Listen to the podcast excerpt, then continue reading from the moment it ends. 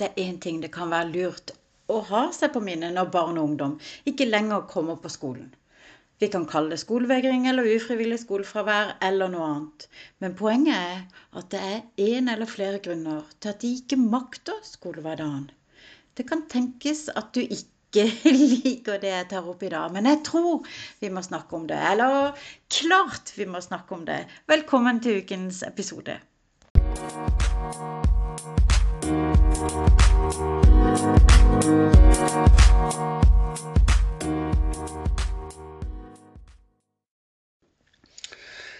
Off er den første og eneste antimobbeentusiasten i Norge som ser på arbeidet mot mobbing fra alle tenkelige vinkler. I dag tenkte jeg vi skulle starte med et eksempel. En konkret forskning, eh, en engelsk forskning, der en klasse blir tilfeldig, vi, altså blir tilfeldig delt i to. De to halvdelene de får så utdelt ulike oppgavesett. Den ene halvdelen får vanskelige oppgaver, og den andre ganske lette. Og Formålet eh, med denne studien var å utfordre denne oppfatningen om at elever lærer mer gjennom motstand. Ok, Ingen av elevene er selvfølgelig kjent med forsøket som settes i gang. Så det som da skjer, er at mm, Kan hende at du har hørt om denne studien, men vi tar det bare helt kjapt. Det som altså skjer, er altså elevene som får de enkle oppgavene, de blir jo kjapt ferdig. Og det får jo de som har fått de vanskelige oppgavene, selvfølgelig med seg. De som får de vanskelige, da, der må det bare innrømmes eh, at det er altså type oppgaver som er altfor vanskelig for denne type elever. Og så kan det være oppgaver som rett og slett heller ikke lar seg løse.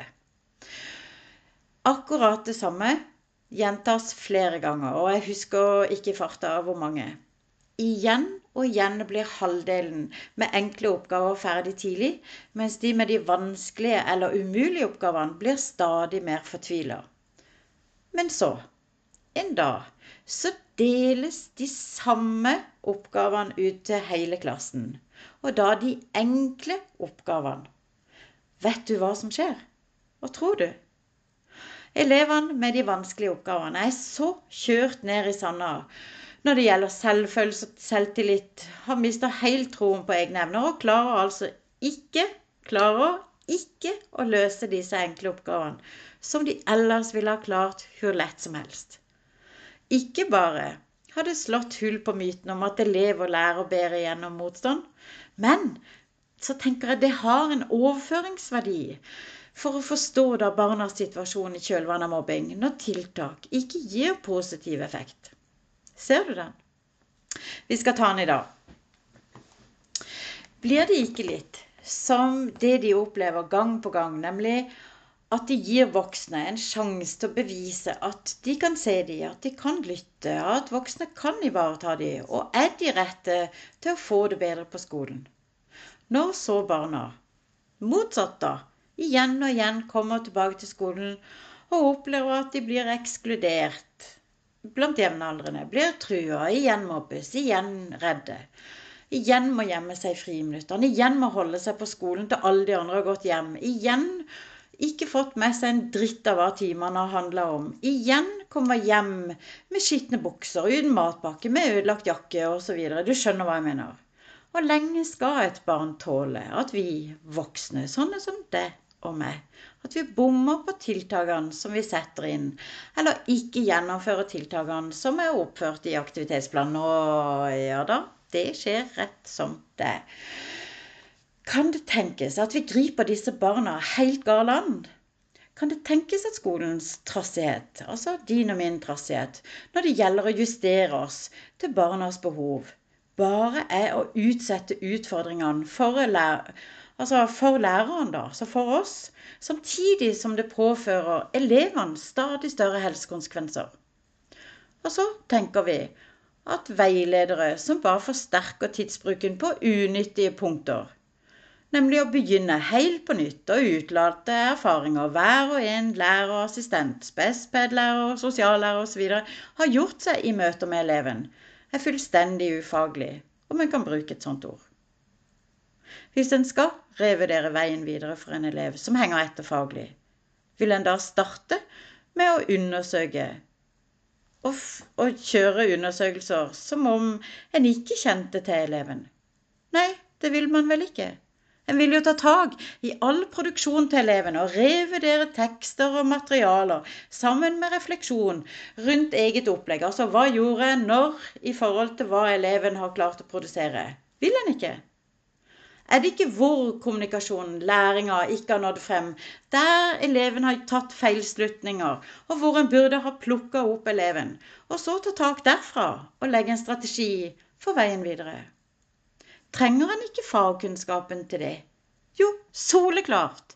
Så hvorfor kaster vi på båten alt som heter det vi kan, hvilken kunnskap vi har med oss fra opplæringssituasjonen med elever, når en ser at tiltak ikke treffer for akkurat den eleven på de utenomfaglige områdene, altså mobbing og i kjølvannet av mobbing. Hvorfor tar en ikke i bruk de samme strategier som i ordinær yrkesutøvelse og overfører til dette feltet? Handler det ikke om å legge hodene sammen og finne ut hva som funker og ikke for eleven i hvert lærers time, hver assistenstid med eleven, hver spespeds time osv., hva har eleven selv uttrykt med kropp eller ord om når det trives, når han eller hun ikke trives, når det skjer læring, når det er for mye, når det er for lite, osv. osv. Og står det noen gang på viljen til barnet, tenker du? Og da kan jeg bare si aldri i verden. Jeg har enda ikke møtt et eneste barn som ikke ønsker å være akkurat som enhver annen elev, selv i kjølvannet av mobbing. Kommunenes veiledere burde vært kasta i søpla, både gamle og nye, og enhver som har utarbeida de. Hver av de offentlige instansene, ja, de burde faktisk fått sparken, spør du meg. Nei da, du trenger ikke å bli sint, for det er sant. Og jeg tenker at jeg kan fortelle deg, komme med noen tips om hvorfor, og hva du heller kan gjøre. I det øyeblikket du har en elev som har opplevd mobbing, det er oppretta en mobbesak, og eleven har høyt fravær. Kommer kanskje sporadisk, eller overhodet ikke. Uansett hvor mye du har å gjøre, så kan jeg love deg at for hver time som går, og du ikke revurderer egen praksis, er i hvert fall én time ekstra det vil ta deg å gjenopprette situasjonen igjen. Så hvis du får en elev som allerede har hatt det tøft i flere år etter mobbing, ja, Ja, trolig fordi tiltakene ikke har funka for eleven til nå. Ja, så kan du jo legge til, da. Hver av de timene, og så dine egne timer som du, i tillegg til de foregående årene, som det vil ta deg å få retta opp situasjonen. Da er jo ikke bekymringsmelding til barnevernet noen løsning. Men det jeg kan gjøre, er at jeg kan si at jeg vil absolutt anbefale deg dette. Og først, da, og bare for å ha sagt det, og med det så er det i anførselstegn. Fordi at jeg mener hver og en på skolen som er nær og rundt barnet det er snakk om. Ok. For det første, still deg spørsmålet. Hvordan kan eleven oppleve å bli sett av det? Jeg sier det igjen.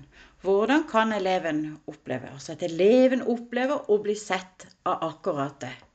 Ute, i klasserommet, i overganger, i friminutt osv. Hva mener jeg? Sett kan jo være så mangt. Det kan være rent faglig, som forhåndsavtaler, tilpasninger, mengder osv. Det er også utenomfaglig, som plassering, gruppeorganisering, overganger, alderstilpasninger osv.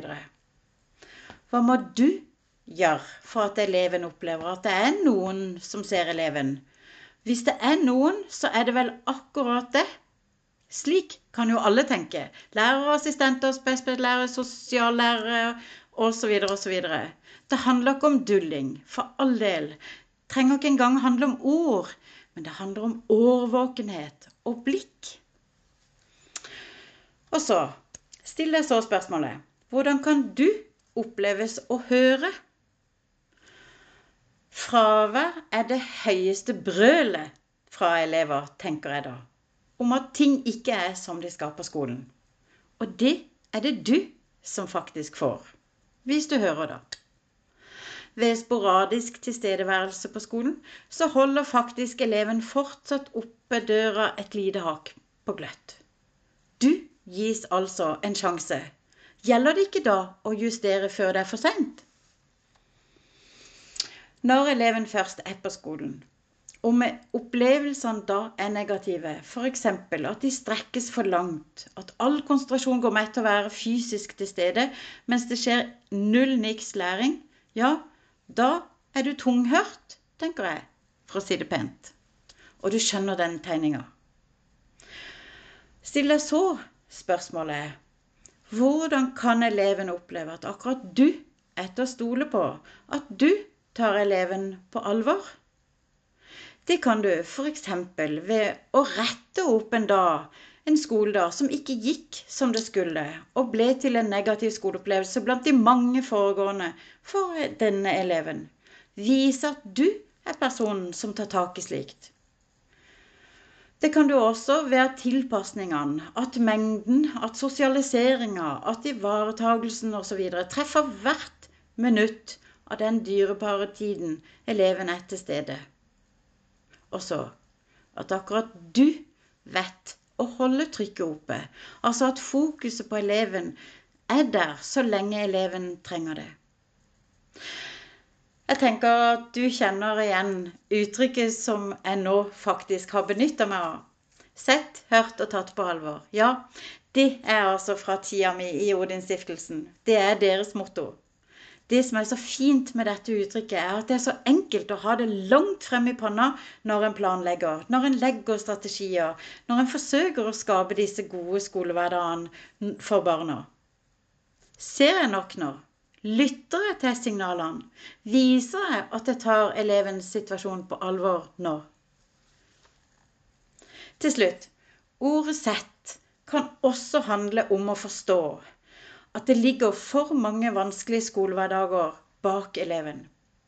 Det har vært stanget i umulige oppgaver for mange ganger, hvilket kan ha gjort at en enkel skoleopplevelse som faktisk er positiv, likevel ikke oppleves som en å mestre. Hva da?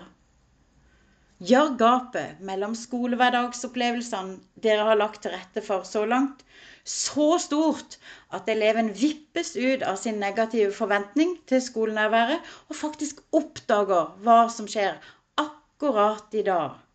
Akkurat som de elevene som fikk de vanskelige eller umulige oppgavene. Og så plutselig får de de enkle, og så klarer de ikke å gjøre det. For gapet står stort at eleven vippes ut og faktisk oppdager hva som skjer akkurat i dag. Er mitt tips, i hvert fall.